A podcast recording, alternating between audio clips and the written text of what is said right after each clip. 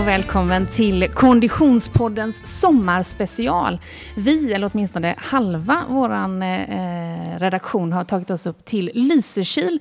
Eh, det är jag och tekniker Niklas, medan den andra halvan, Oskar, befinner sig i Stockholm och är med på Skype. Hej Oskar! Hej Frida! Hur är läget?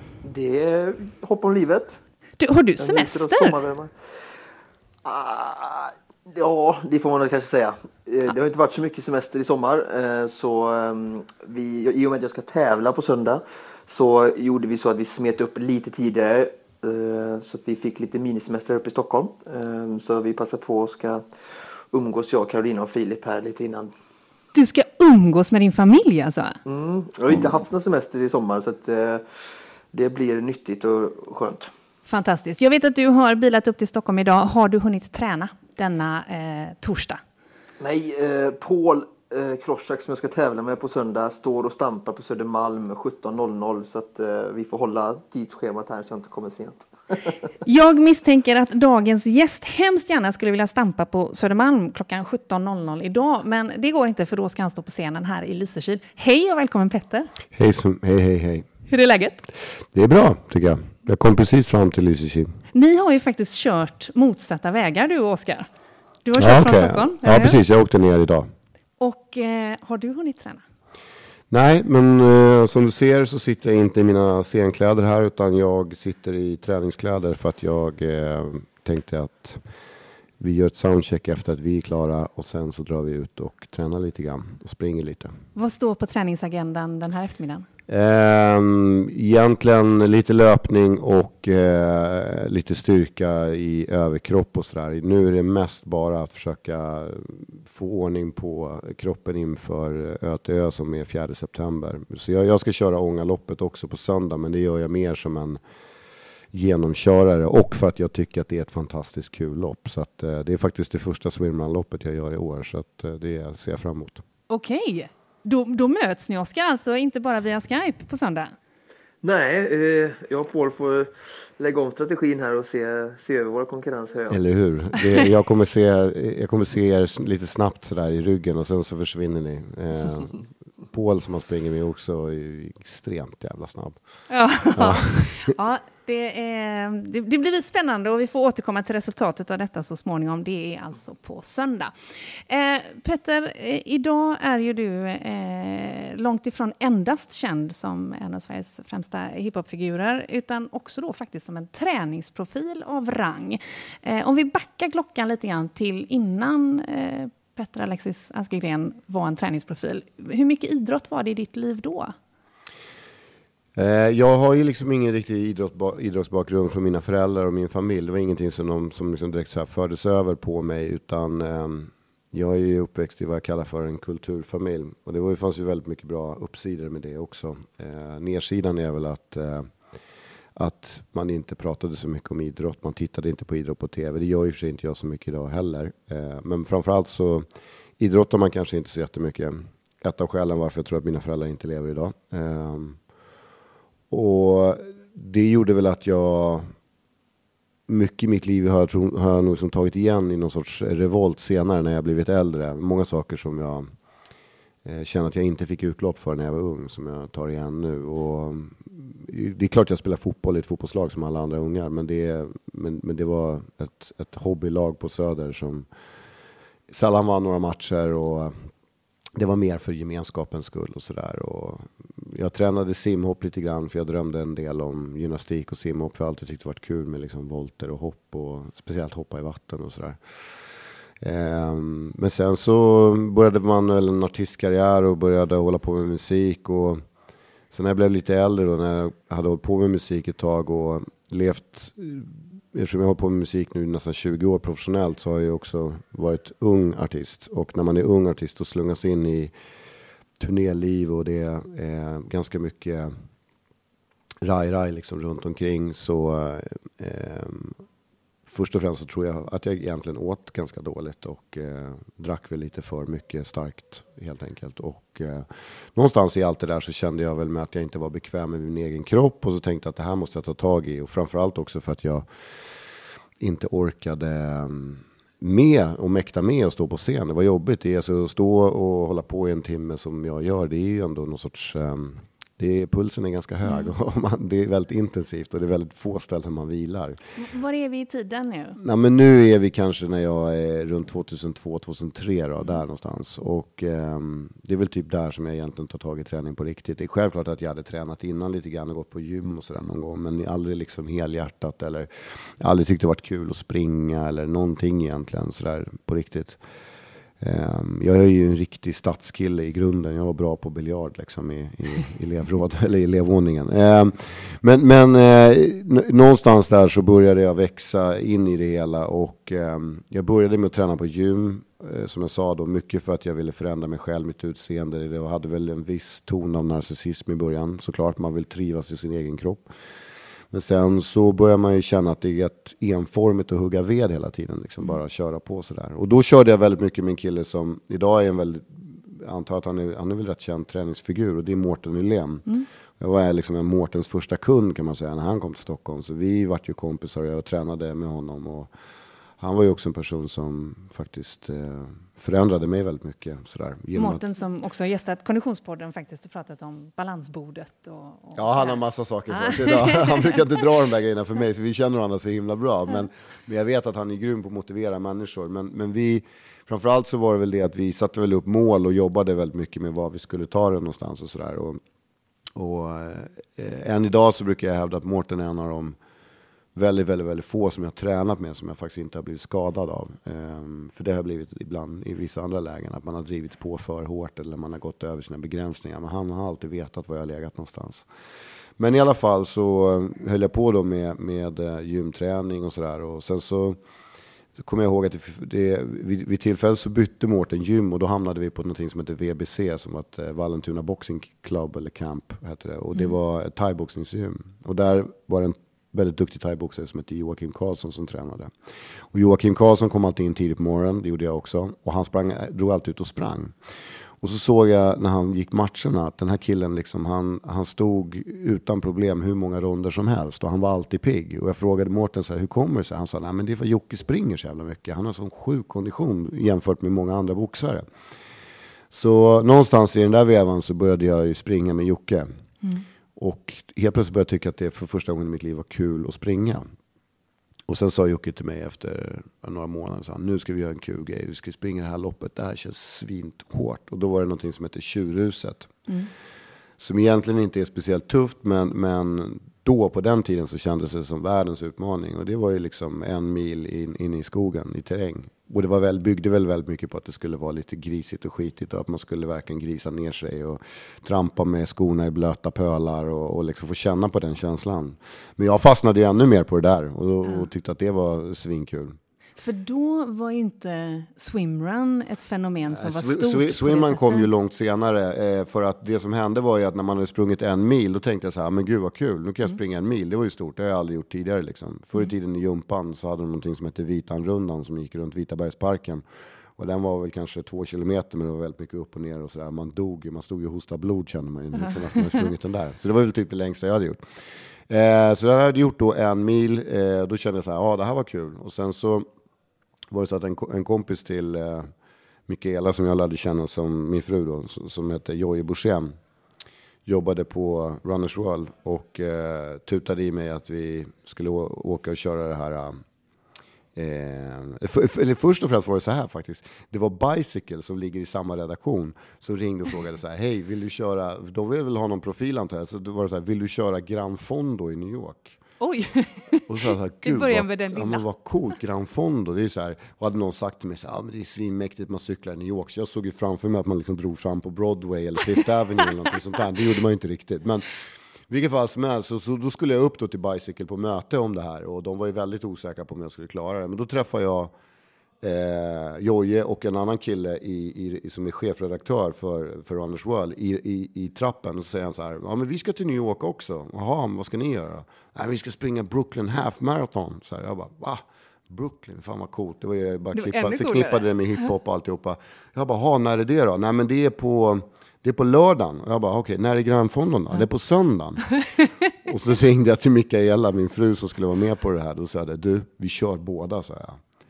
Och så började ju de noja där uppe och sa, ni kommer inte klara Va, det här. vad var, hur långt i förväg, liksom, hur lång eh, preparation hade du? För Ja, men då hade vi väl kanske, ehm, ja men säg att det här var i januari kanske någon gång och, Mm. och det här skulle ske i maj. Oj, okej. Så eh, nej, men vi trampade på, cyklade och sprang och, och sen så la vi väl upp taktiken att vi skulle springa väldigt långsamt, ta det sjukt lugnt och sen så bara jogga igenom det där och sen så skulle vi cykla dagen efter.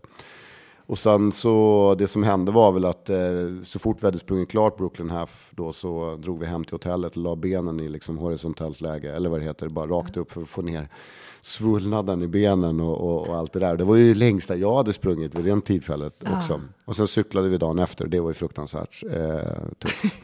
Det var det- men det gick så mycket på Fifth Avenue. Nej, det var det ju inte. Och det var regn, det var dåligt väder och, och väldigt stökigt. Mikaela var som för tillfället just då också var starkare än mig. Verkligen gjorde bra ifrån sig och jag var ju helt eh, kokt där. Men eh, jag upplevde det som en kul grej. Jag har ändå inte gjort triathlon, men jag har liksom gjort de här sakerna separat. Alltså löpning eller simning eller, eller, eller cykling då. Sen när jag kom hem, eller det som hände var när jag visade på planet hem, då satt jag sådär funderade på om man kanske ska cykla det här, man kanske ska göra det där och göra si och så. Och sen så ringde Jojje till mig och sa så här, nej men nu ska vi köra New York Marathon. Eh, och då vart jag ju livrädd, för det maraton, det är ju liksom, det är dubbla tänkte jag så här. Så allt det här gick ju väldigt fort. Jag tror att det här kan ha varit 2013 eller någonting sånt, eller 12 kanske någonstans där. Nej, 13 var det nog. Och så eh, i det då så ja, då åkte vi över och gjorde New York Marathon. Och eh, det var inte så tufft som jag trodde. Nu, alltså, nu pratar jag också om att jag gör ju inte några tider, jag springer loppen. Jag, jag tar mig från punkt A till B och det är det som gäller för mig. Ehm, och, och det som hände var när jag kom hem från New York Marathon, då var jag sådär, gud vad kul, nu ska jag springa massa maraton. Så började man kolla på olika maratons i världen som man kunde göra. Då ringde Jojje igen och sa han så här, nu kör vi Ö till Ö. Och han hade ju kört Ö till Ö två gånger. Och då vart jag så här, Ö till Ö. Ja, det var ju så här som jag hade hört om på Lisas Café på Södermalm där jag är liksom uppväxt, där alla triatleterna brukar hänga. Jag sitter ju uppe med de gamla gubbarna, men triatleterna de har ett eget bord som de sitter vid. Snackas mycket om Ö till Ö sådär. Ja, dum som jag är så sa jag, ja, okej då, liksom, men då måste vi gå ner till Eriksdal. Jag kan inte simma, sa jag. Så här. Då gick vi ner till Eriksdalsbadet. Det här var i januari, kommer jag ihåg, eh, 2014. Eh, och då säger Joey till mig så här, det kommer ta dig 40 timmar att lära dig simma, okej? Och sen hoppar jag ner och så crawlar jag så som jag tror att jag ska göra och andas så som jag tror att jag ska göra. Och så, så rättar han till lite grejer och så, så när vi går från bassängen så säger han så här, okej, det kommer ta dig 20 timmar att lära dig simma, sa han. Men nu visar det sig att jag har ju surfat en gång i tiden, eller gör fortfarande till och från. Jag är fruktansvärt dålig på det. Men om man surfar, vågsurfar, då ligger man ju oftast och kämpar för livet i, i, i, vattnet. Och man ligger på en bräda och man ligger och paddlar. Så man paddlar ju så sjukt mycket. Och jag har ju paddlat från Grönland och tillbaka förmodligen. Så att jag har ju liksom det här äh, drivet i kroppen. Plus att jag hade tränat rätt mycket överkropp eftersom jag hade varit på gym så mycket. Så att jag hade på något sorts, någon sorts simmar liksom fördel. För att jag märkte ganska snabbt att det här var någonting som passade mig rätt bra. Ehm, och, och, och det, i och med, samtidigt som jag då kommer från den där bassängen så började det gå snack om att jag ska köra ö till ö. Och så får jag liksom höra om att och då är det lite sura face då som är sura för att ö till ö är svårt att få plats på. Och alla är så här, ja men den där killen är offentlig så han har ju åkt bananskal. Så här. Nu är det faktiskt så att jag fick platsen via AdNature för att de hade sponsorplatser. Och de kan ju ge sina platser till ja, Vem som helst. Leif Loket om de vill. Det Ja. spelar liksom ingen roll. De ger den till vem, vem de känner. Men, men nu gav de platserna till mig. Men jag kände mig någonstans här om att jag förtjänar inte det här. Mm. Bara för att folk säger så. Det var inte många, men det var några stycken. Och eh, då tittade jag bara på kalendern och tänkte jag så här, hur många swimruns finns det egentligen? Sen signade jag upp mig på alla swimruns jag hittade. Jag bara anmälde mig på precis allt det året. Eh, och började genomföra alla de här loppen. Så jag började med ute, sen var det Engadin och det var Borås swimrun och det var Tylösand aquathlon. Det var, alltså jag gjorde hur mycket som helst. Jag gjorde så många swimruns att jag blev skadad för jag gjorde Engadin med Marre. Eh, eh, och eh, det, det ledde till att jag jag tror att vi drev på lite för hårt i, i, i nedför. Men, men jag och Marre kom på trettonde plats i Engadin, vilket då kände jag så här, okej, men nu har jag ändå gjort ganska bra ifrån mig. Det var ändå första året. Eh, vad som hände var att eh, i allt det där så, så kände jag väl att nu, nu, eh, nu har jag liksom bevisat mig själv någonstans. Och för mig handlade det om bara att klara det, men också att förtjäna min plats. Mm. Jag gjorde ju det med trasigt knä. Jag fick ställa Ångaloppet det året, tyvärr. Uh, men sen, sen var jag inne i det och insåg att swimrun har varit min grej. Alltså jag har ungefär 672 följdfrågor på det du just berättar. Men jag tänker vi släpper in Oskar som sitter Absolut, det här var bara en lång historia. Förlåt, jag pladdrar på, nej, men ni frågade. Så jag tänkte, ja. Men det, det, det, Oskar, jag misstänker att eh, du fortfarande är varm i hjärtat av delen om att eh, konditionen blev viktig för Petter redan från första början. Absolut, och jag satt här och reflekterade lite i början av samtalet. Ehm, jag tycker det är såklart någon som har läst mycket idrott och hållit på med idrott sedan jag var liten. Ehm, ehm, tycker det är roligt att både sådana profiler som eh, Bingo och Petter som kommer från ett helt annan miljö hittar in i konditionsidrotten för att eh, jag hade ju många kompisar som skatade och rappade med framgång som när vi var 12, 13, 14, 15 och eh, jag var ju alltid den här konditionsnörden som folk skrattade åt och, och hej och hå. Ehm, och sen nu då att konditionssport i olika former och framförallt i olika nivåer utifrån individens önskemål, ambitioner, vilja. Eh, men att det ändå liksom blir ett inslag till liksom, ska säga, som balans eh, mot allt det här liksom, ja, Eh, säga, eh, framgång och entreprenörskap och, och Eh, eh allt vad man driver med, fest och, och, dans och allt vad det kan vara. Ehm, så, så jag tycker det är roligt att, att konditionssporten kommer in och blir ett nyttigt inslag och säkert liksom stärker dem och blir dem, gör att man blir bättre som entreprenör och bättre som artist. Eh, jag, jag, tror också så här, i, i mitt fall så handlar det väldigt mycket om, jag tror att det handlar om en är man liksom inte fostrad i de här idrottssammanhangen, eh, som jag var inte det, och um, Bingo var väl kanske inte till viss del det heller då, men jag tror att man också när man blir äldre, att man drivs av att vilja pusha sig själv i olika sammanhang. Och det har ju slagit mig när jag stått på, på startlinjen på diverse olika swimrun-lopp, att eh, medelåldern är ganska hög. Mm. Och eh,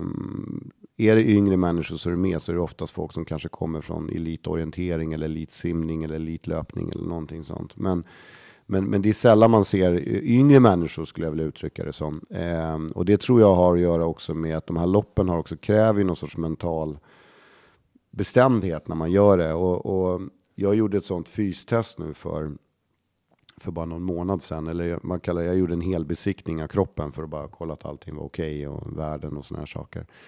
Och då gjorde jag också ett arbetsprov och det arbetsprovet det resulterade ju inte i att jag hade någon superkondition, men inte heller någon dålig kondition. Men eh, vad man också inte mäter där, det, man mäter ju inte vad som finns bakom pannbenet heller och vad man är bestämd att göra.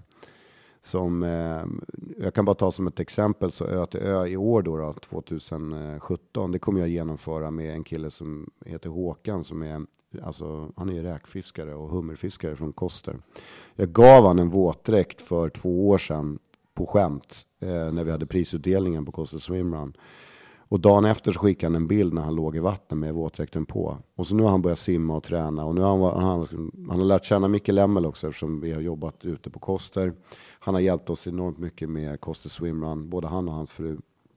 Eh, och eh, han och jag ska köra ö till ö i år då, då eh, vilket är väldigt spännande. Och den är det pannbenet som driver honom? Ja, och Håkan är känd då på Kosteröarna för att vara en av de mest envisa jäklarna liksom. Och jag är ganska envis också, så jag tror att det är envisheten som kommer ta oss igenom det här loppet. Eh. Men jag tänker att envis är säkert en av dina egenskaper, men jag tänker att du måste ju också ha en oerhörd förmåga att få in eh, en mängd aktiviteter på samma mängd tid som vi andra bara hinner äta, sova och gå till jobbet på. För, för, jag tänker när du tittar tillbaka på den här eh, innan du skulle göra Ö till Ö första gången och då lyckades boka upp dig på alla swimrun-race som fanns. Parallellt med det så drev du ju trots allt din vanliga karriär, ditt vanliga liv och dessutom din familj. Ja, det gör jag ju fortfarande och jag har ju liksom hundra barn och hundra företag. Så att det, det, det är klart att det är stressigt. Det, det, som, är, det som är baksidan utav det här, det är som när jag började träna till exempel gym i Mårten, då började jag träna 2003 som jag sa. Och då kunde jag träna och så, så kunde jag gå och jobba och så kunde jag lägga mig på soffan och sova en timme. Mm. Och så kunde jag liksom återhämta mig och så kunde jag fortsätta med jobbet i, utan stress. Och så, så höll jag på så. Och jag vet att jag tillgodo så, så, såg mig, kanske man säger, träningen på en enorm nivå. Alltså jag, jag, jag fick extrema resultat väldigt snabbt på allting jag gjorde. Idag så får jag inte riktigt det, för att jag är oftast ganska utmattad när jag kör, men jag kör ändå. Mm. Eh, och jag sover eh, i snitt kanske sex timmar på en natt och sådär det är klart att jag vet att jag skulle kunna effektivisera min träning mycket mer, men då skulle jag inte hinna göra alla de här grejerna. Och en, en annan viktig aspekt i det här är också att när man tittar på, för, för mig är det så här, Micke Lemmel sa en väldigt smart grej en gång eh, när han presenterade ett av de här loppen. Han sa det så här, swimrun, det handlar om att liksom, det finns de som tävlar, det finns de som tävlar för att vinna. Det finns de som tävlar för att få en plats till Ö till Ö till exempel. Det finns de som vill uppleva. Det finns de som vill delta. Jag är nog de två sista. Jag vill delta, jag vill uppleva. Eh, jag lärde mig tidigt i musikbranschen att inte tävla med andra människor. Första året kom jag ut, vart jättesuccé andra året, tredje året, fick enorma prestationskrav på mig själv. Tittade på alla konkurrenter och la all energi på att titta på dem, vilket gjorde att jag själv gjorde ett dåligt resultat. Och därför har jag också tänkt på att det för mig är det viktigaste, ha kul på vägen, behöver inte springa och titta bakom dig hela tiden. Eh, och jag fattar och jag har största respekt för alla som springer för att, för att vinna och, och slå resultat och sånt där. Men att inte våga ställa upp i lopp på grund av att du måste vinna, det tycker jag är fel inställning.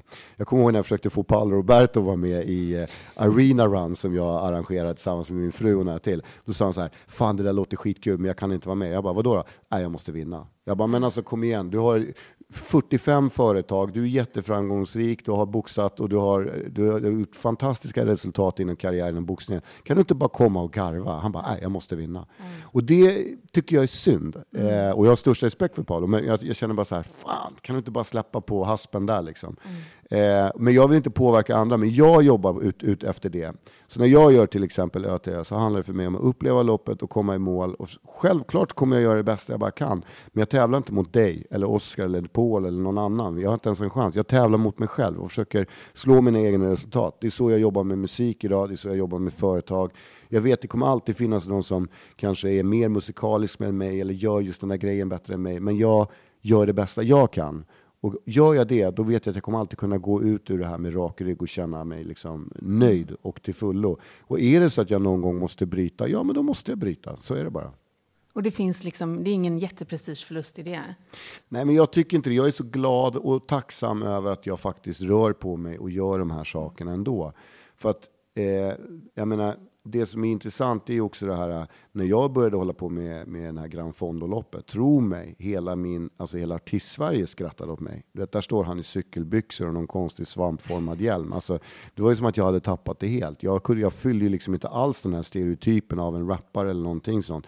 Nu är det ju jättemånga andra artister som gör det där också, vilket är superkul. Och jag hoppas att det är ännu fler som gör det. Och det, i, framförallt i musik-Sverige så har man ju sett en, en enorm ändring utav hälsoinslag. Folk tränar nu. Liksom. Idag springer vi ut liksom, två, tre stycken och rör på oss och kör ett träningspass. Ja. Hade det här varit för 15 år sedan, då hade vi suttit halvfulla nere på kajen redan nu. Ja. Förstår du vad jag menar? Så att det, och rökt cigg. Och, men, men, är, det, är det eh, din, vår generation eh, musiker som, som lever så? Eller kan du se det även bland den yngre generationen utav eh, Jag artister? tror att den yngre generationen kommer också. Eh, de tränar redan, men jag tror att de kommer börja träna sådana här uh, uthållighetssporter, kommer ju komma med tiden. Yeah. Eh, sen tror jag också att mina föräldrar, på något sätt så dör ju konditorierna med 40-talisterna lite grann. Och jag älskar konditorier, men den, den eran av liksom yeah. att äta på det sättet. Mina föräldrar satt och skrattade åt joggarna och tyckte att det var liksom eh, kommersiellt och toj och tuggummi och amerikansk kultur, typ så. Och, och tyvärr så gick de bort liksom. Och jag vet att jag har, mina föräldrar hade kunnat leva längre om deras hälsa hade varit eh, lite bättre. Garanterat. Det, det, det, vet jag och det, det säger jag om min syrra. Min syrra är grym. Hon har, hon har börjat springa lopp. Jag tog med mig henne och brorsan. De sprang New York Marathon tillsammans. Syrran kämpade sig igenom det. Hon har börjat klättra. Hon har blivit superaktiv också. Hon har gjort exakt samma resa som jag gör och min brorsa har, har gjort det också. Så att vi har ju liksom förändrats allihopa, vilket jag tycker är fantastiskt. Jag tänker, du, du gör ju flera av loppen och du tränar mycket ihop med Mikaela, din fru. Och ni har väl kanske inte hundra barn som du sa, men ni har ju rätt många och, ja. ytterligare på G. Hur viktigt är det att vara en förebild inför dina barn och, och i, i familjesammanhanget? Det, är, det är kul. Um, Oskar, är du kvar? Jajamän, jajamän. Ja, bra. bra. Eh, det, det är kul att, att känna att man att jag kan ge dem det som jag inte fick, det här med att man kan göra saker tillsammans. Så vi, vi har en pool hemma där man kan göra så här, vi, vi, vi sätter upp små låtsasbanor där vi kör swimrun och då är liksom poolen i själva simpassagen om man säger så. Eh, vi har kört Ångaloppet tillsammans med ungarna och eh, det har varit väldigt kul att kunna göra den grejen. Men jag tycker också ett, en, en sak till med swimrun, just varför jag tycker swimrun är så härligt. Du kör tillsammans med någon mm. och du kan köra med din partner, du kan köra med eh, tjej och kille. Eh, tjejer startar samtidigt som alltså det, det finns en, en härlig gemenskap. Det är väldigt, swimrun tycker jag för mig är väldigt inkluderande och inte så exkluderande och liksom på det sättet. Eh, och, och, och, en stor del av att jag är så aktiv som jag är idag är ju nog framförallt på grund av min fru Mikaela, för att hon är ju skidåkare. Och ja, hon har ju en aktiv bakgrund. Absolut, och jag träffade henne 2003 och då sa hon till mig att eh, liksom, åker du inte skidor så blir det inget, sa och, då, och jag blev ju blixtförälskad så jag kände så här, okej, okay, eh, jag ska lära mig åka skidor. Och så något halvår senare så var jag kompis med Sverre Liljekvist och dem och liksom lärde mig åka skidor med folk som är jävligt duktiga på att åka skidor. Du så. gjorde det Petter Wise helt ja, enkelt? Ja, helt enkelt. Så, all in. Oskar, vad, vad, vad, vad, tänker du när du hör Petter berätta? Nej, det är ju, förut så kunde jag ju bara eh, undra hur, hur, hur ni eller de hade det med, med barn och sådär. Men nu har jag ju fått börja smaka på det lite. Att, eh, att hitta balansen återigen och hitta ekvationen eh, för att nå den ut, alltså the outcome som du, alltså det resultatet du vill, alltså vad det nu än är, att genomföra, delta, prestera tillsammans med att utan att försumma och få, få med familj. Och jag älskar ju när jag hör det här Eh, alltså Martin Flinta som jag tävlar en del med och Eva Nyström, de har ju två barn och är väldigt duktiga på att få med sina barn ut alltså, på aktiviteter och ha dem att delta. Igår när jag och Martin tränade och så efter vi hade tränat klart så tog han med sig ut Simon och så skulle han simma mellan två bryggor. och sådär. På ett lekfullt sätt och på Simons nivå men att, att barnen får vara med där. för att jag känner att när jag var liten så var jag ute jämt. Alltså min pappa tog mig ut och byggde kojor. Vi gjorde saker hela tiden och det känns som att det har, har liksom varit en, en svunnen tid, en, en period nu eh, i, i vårt tillväxtsamhälle. Och eh, det är roligt att höra när Petter berättar att de har kunnat åka ut Ångaloppet. Alltså swimmern är ju sjukt eh, gemytligt, välkomnande, ganska familjärt om man jämför kanske med andra eh, sporter kan jag uppleva och ganska eh, Eh, avdramatiserat. Sen att det finns en liten spets eh, med elit och, och, den biten också tror jag är viktigt för sporten. Det måste men, finnas det också, ja, såklart. Ja. Men, men att, att, de, att, du kan åka dit och få med familjen, det känns lite sådär back to the roots med orientering på 70-talet med termos ute i skogen som, som, som vi hade liksom sådär va. Eh, och Mora-Nisse med skidklubbar och sådär. Så, så det, det, är jätteroligt och jag hoppas att jag också kan, kan eh, ta, ta rygg på Petter och, och få med Filip ut och, och göra, ha med. Ja. För, för, eh, för den konditionspodden lyssnare som inte känner till så är alltså Oskar relativt nybliven pappa. Sover du på nätterna förresten? Alltså, eh, det är väl, jag vet inte, det här är ju offentligt här nu så jag får ju försöka verkligen eh, lyfta fram henne extra mycket men eh, ja, bakom varje man. Va? Så hon, hon tar väldigt mycket lass. Jag jobbar ju mycket och tränar mycket så jag, jag, får faktiskt sova väldigt bra, oförskämt bra på nätterna. Löpvagnen, underskatta inte den. Thule, bring your kids som ja, vi brukar du, säga. Den är du, grym faktiskt. Vi, ja, vi har haft väldigt det. kul med den. Jag körde längd med min uh, ettåriga son i vintras i, i en sån här pulka. Man kan göra väldigt mycket saker ja. eh, och eh, träningen går att få in med, med barn också. Det är, är bara vi har haft sån bra regel typ att jag försöker så fort jag är hemma och inte jobbar, börjar jobba klockan typ sju på morgonen som det är ibland så, så försöker jag ta Filip två timmar på morgonen och eh, jag, Martin hjälper mig nu och fixar en, en vagn från Thule så att eh, köra två timmar och han sover nästan alltid mellan sju och nio på morgonen då så att, så att eh, det, det kommer bli väldigt värdefullt att kunna ja, klämma in två timmar löpning varje morgon. Eh, jag, för, för, mig är det också sådär, jag, jag sa det, jag har ju ett mantra som jag lever väldigt mycket efter, jag kallar det för kul på vägen. Och, och för mig handlar det också om, jag, jag, Jag driver en vinsajt som heter vinos.nu tillsammans med en, en kille som heter Alf Tumle som är vinjournalist eh, och min gode vän och vi har släppt bok tillsammans. Vi håller på med en ny, vi gör provningar. Men vi springer mycket tillsammans också och vi lever i någon sorts värld av att vi tycker inte att det ena utesluter det andra. Så bara för att du håller på och tränar eller liksom lever det livet så behöver du inte sitta på en gräsmatta och bara äta groddar utan du kan göra andra saker också. Så vi kombinerar de där grejerna väldigt mycket ihop och, och det är väl lite det som jag försöker för mig att bara hitta någon sorts balans. Och de här loppen för mig har varit ett bra sätt att trigga mig för att jag behöver jag tror att det har att göra med någon sorts hyperaktivitet som jag har, att jag behöver se tydliga mål. Mm. Eh, och därför tror jag också musikbranschen passade mig så bra att bli artist. För då jag liksom gjorde en skiva, då såg jag så här, jag spelar in den här skivan och den kommer att vara klar i mars. Och efter mars, då börjar något nytt. Och så blir det mm. olika projekt hela tiden. Precis som så här, nu tränar jag inför det här loppet. Ehm, jag kan inte bara träna för att träna, utan jag måste träna för att jag måste ha ett mål, någonting tydligt, klart framför mig. Men hur tydlig är din träningsstruktur? Hur långt framåt vet du vad du ska träna och när du ska träna det?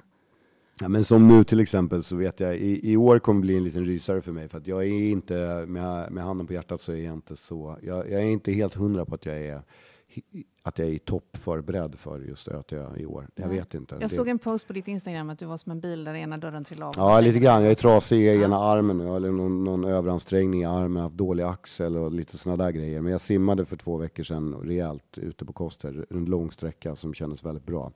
Och farten och allting sitter sådär. Så det är mer att jag måste bara bestämma mig att det här kommer funka. Men det är klart att jag punktmarkerar när jag tränar och då, och då tränar jag mycket liksom inför och, och, jag vet ungefär vad jag behöver göra de här fyra veckorna som jag har nu. Och nu, det är inte som att jag inte har tränat under det här året. Jag körde Nattvasan i år.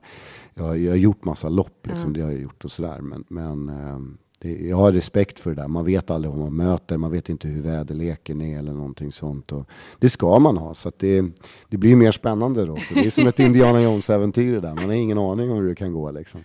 Oskar, du ska ju också springa eh, Ö misstänker jag. Ja. Uh, Oskar kom tvåa på Ötjö förra, uh, förra året. Helt sjukt, grattis. Ja. Då, bara fråga, Oskar, är det, är det så, stämmer det att det är så att ni sticker någonstans i mitten där vid de här supertajta terrängöarna? Um, är det där Just någonstans det. ni drar eller är det på Ornen ni drar? Just det, nej det stämmer väl. Det var, det var eh, precis eh, ungefär mitten efter eh, Nämndö någonstans där som eh, det blir eh, lite bräske där som jag, Lelle, Daniel och Paul eh, fick en lucka till bakåtförvarande. Men det var inget eh, det var inget planerat ryck från någon av vårt lag utan jag tror att vi fyra låg i täten hela tiden och trissade upp farten och så, så trillade av eh, ett lag eh, liksom efterhand hela tiden så. Och till slut var det bara vi kvar. Ehm, Sen gjorde de ett ryck eh, på Kymmende, tror jag det är, eh, det, efter grissimmet där. Ehm, Just det. Så fick de en lucka på 3-4 minuter och sen på Ornö så sprang vi in 3,5 minuter så vi hade nog bara 30 sekunder när det Ornö var klart. Men, ja, det är eh, helt otroligt alltså. Sen man orkar så, ligga och pumpa sådär. Ja, ja. sen så var vi så nära och så, ja, så de var snabbare än oss i skogen där i slutet av Ornö så att de fick en lucka igen och så ja, då gick musten lite ur oss. Och så, ja. Men ni kom i mål på drygt lite åtta timmar då kan jag tänka Ja, 8.07 tror jag. Så, här. så vi hade ju ändå banrekord med åtta minuter, men de slog ju banrekord med 15 minuter nästan. Så det var ju... Så vad, vad är rekordet på Ötö nu? 7.59. 7.59, helt sjukt. Jag tror att jag, jag, jag har alltså kommit in som snabbast, jag har kommit in 11.40 kanske, eller någonting sånt. Eh, det, det, det, är bra för eh, Ja, och jag vet att jag brukar säga till folk som frågar hur det är, så brukar jag säga att nu vet jag det, det här är alltså fjärde gången jag ska göra det och jag vet att de först, för mig är en, Runmarö och Nämndö, alltså de första typ fem, fyra, fem timmarna, det är för mig som utan att jag ens har gjort det. Men det är som att tända av på heroin. Alltså det är så fruktansvärt vad det gör ont i hela kroppen och man mår dåligt i magen, man, man vill bara spy och kräkas och alltihopa. Men sen när man kommer till grissimmet, då börjar det roliga och då blir det väldigt, väldigt bra. Och då, då liksom planar jag ut och då har min kropp ställt in sig på att okej, okay, då är det här som, vi, som jag, du ska göra. Och det är på grissimmet, det där är liksom, det där jag verkligen tycker att det är som roligast. Alltså det här är ju inte en införsäljningskampanj för att jag känner att en dag på heroin och sen blir det grissim. Men eh, Oskar, fram till Ötelö, vi har fyra veckor framför oss ja. och ni ska båda springa Ångaloppet på söndag. Eh, vad har du mer tränings, eh, i träningskalendern? Eller ja, inte träningskalender, då har du ju något varje dag, det vet vi ju, men Ja, eh, precis. tävlingskalendern. Ehm, ja, men det kan hända. Det är lite sådär. Det, det är ju som ÖTÖ i fokus nu. Uh, allting eh, står ju, Eh, Rätt får ju rätta sig efter det. Eh, jag har en liten grej nu i min fot sådär som jag inte vill överbelasta. Ehm, och sådär. Men jag har, det finns ju Ten Island Race går eh, helg, nästa helg på Hönö i, i vår skärgård. Um, som jag har kört något år tidigare som är trevligt. Och sen så är Tjolaholms Swimrun körde jag förra året som uppladdning som går en vecka innan ÖTÖ. Det är en eh, diger tävlingskalender du har, Oskar. Och eh, du har ju faktiskt eh, cashat hem på, på lopp redan den här sommaren, va? Ja, precis. Det var ju, förra helgen hade ju jag och Ted eh, turen att eh, lyckas vinna ölloppet igen där. Så att, eh, det var ju roligt. alltså. Grattis.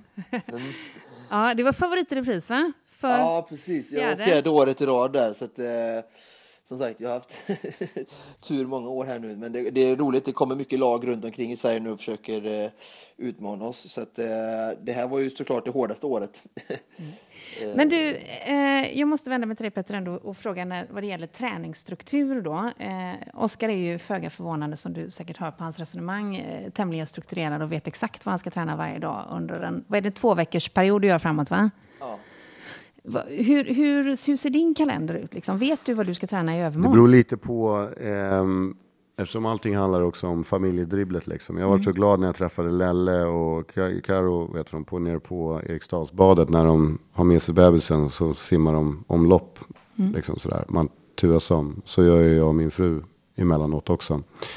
Eh, nej men annars när jag är i Stockholm, jag bor i Åre varannan vecka och barnen går i skola och så där uppe. Och sen så bor jag i Stockholm andra veckan då. Eh, då har jag min 14-åriga son här nere, han följer med upp ibland. Så vi har en liten speciell familjeskiss liksom, där. Men jag tränar rätt mycket i Åre då såklart eftersom det kan man göra väldigt lättare. Men sen när jag är i Stockholm och tränar så eh, bygger det väl ofta på att jag Ja, antingen går jag väl på gym eller någonting sånt. Men, men, men jag försöker eh, slita ut polare på morgonen vid sexrycket ungefär. Och så springer vi på Söder. Ehm, och det har vi gjort nu ganska mycket. Och ibland så ansluter det fler folk och, ibland så är det mindre. Jag har gjort en del sådana gemensamma träningsrunder med lite under Vitamin Wells flagg då. Ehm, Vad blir skillnaden när du springer i grupp på det Ja, sättet? det är kul, det är roligt att motivera andra människor. Jag vill gärna vara en ambassadör för, alltså om jag kan det. Jag, genom att, det och, och för mig är det ju liksom på en nivå där det handlar om att få igång folk, mer så. Eh, och få ut dem och, och, och få alla och, visa att alla kan göra det. Och swimrun så har jag varit, eh, har jag väl liksom känt att det har varit kul. Jag menar Koster Swimrun som vi gjorde, jag och Mikaela, det gjorde vi ju inte för att vi tänkte att så här, Åh, nu ska vi dra igång en bra business här. Utan Koster Swimrun handlade enbart om att liksom, fan, ni måste komma och springa och simma på Koster för det är så vackert här. Men ge oss lite bakgrunden på den. Nu vet jag att det är uppehåll eh, 2017 på grund av eh, tillökning i den 100-bemannade barnaskaran. Exakt. Eh, men ni startade det... Vi startade det för, eh, vi har gjort det två år nu, så vi, det här skulle ha varit det tredje året, men vi gör det nästa år då. då. Eh, så eh, 2018 blir det full, full mugg liksom. Eh, och i år då som sagt så kunde vi inte göra det. Men vi kände också, det hände lite grejer på ön som gjorde att vi kände att det var bra med en paus. Och så har vi ett ny struktur nu till, till eh, som har med, med logistik och sånt att göra. Det, är, ju- det ska man ju veta, de som har anordnat swimrun-lopp förut, att det är ju ett jädra, jädra mycket jobb liksom. Och det handlar om säkerhet och allt sånt. Eh, men, men bakgrunden är egentligen att jag är uppväxt där sedan jag var liten på somrarna. Och ehm, min farmor köpte ett hus där på 40-talet och sen blev det en släktvilla och sen skaffade jag ett eget hus där runt 2001 och Är du på nord eller sydkoster? sydkoster och när jag hade gjort det första swimrun-loppet eh, ute swimrun så gå påig som jag är så gick jag rakt fram till Micke Lemmel och sa så här, jag vet det bästa stället i hela Sverige där du kan göra ett swimrun-lopp och så var han så här, ja ja, eller hur grabben, lite så.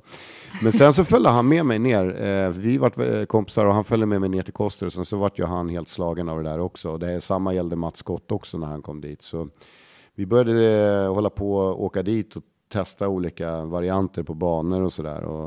Första året så drog vi en bana, den gjorde vi om lite grann andra året. Och nu nästa, tredje gången vi ska köra då nästa, och 2018, så kommer vi nog göra om det lite till. Så man håller ju på att finputsa det hela tiden. Det ligger väldigt sent på året, eller hur? Ja, plus att vi måste flytta det nu för att eh, Thousand Lakes har blivit flyttat också på grund av att det var ganska kallt på Thousand Lakes första gången. Så att de flyttade sitt datum till det datumet vi har normalt sett kört Costa Swimrun för att det har legat en vecka efter hummerpremiären. Mm. Så nu tror jag att vi kommer lägga det samma helg som hummerpremiären mm. egentligen. Vilket det innebär för? Tidigare.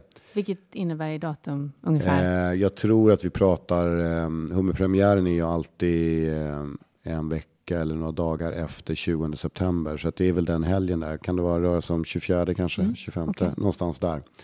Eh.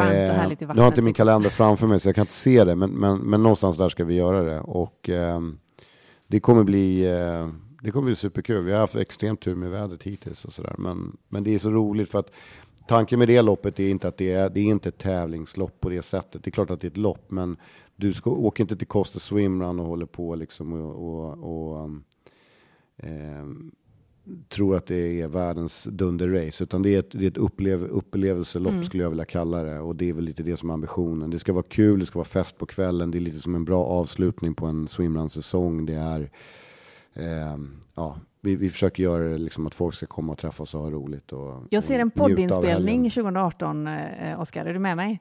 Grymt! Ja. och du förstår att det var fest på kvällen som var det som lockade mig mer? Aj, ja, ja. men du gillar fest. Absolut.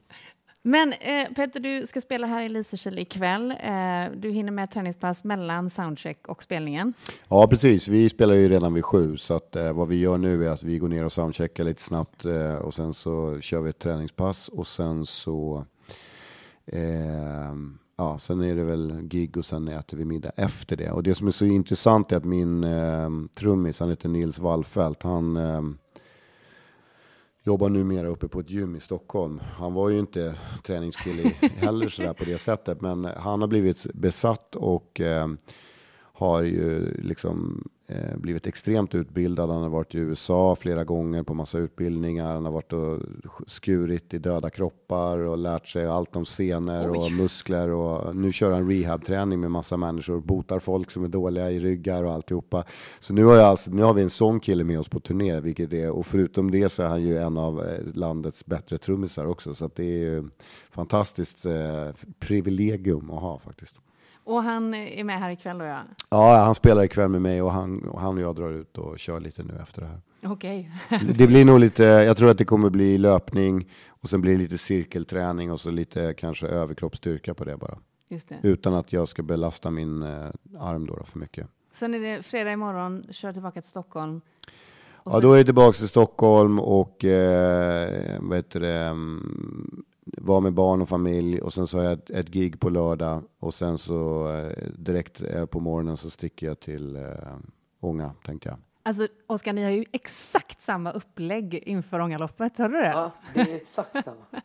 Ja. Skillnaden, är att, skillnaden är att Oskar ska vinna Ångaloppet. Så om man skulle vinna Ångaloppet då kanske man måste ta det lite mer eh, tranquilo. Liksom. Men men jag, för mig så handlar det som jag sa tidigare, jag, jag kör Ångaloppet, jag älskar det Nils och de gör där ute. Jag tycker att det är en fantastisk tillställning, det är så sjukt kul att de har bjudit in barn och familj. Och liksom, jag tror inte riktigt på att göra swimruns super, super stora med alltså, hur mycket deltagare som helst. Jag tror att det kan finnas en fara i det, men jag tycker att Ångaloppet har gjort det väldigt, väldigt bra. Eh, och det, det funkar bra där. Mm.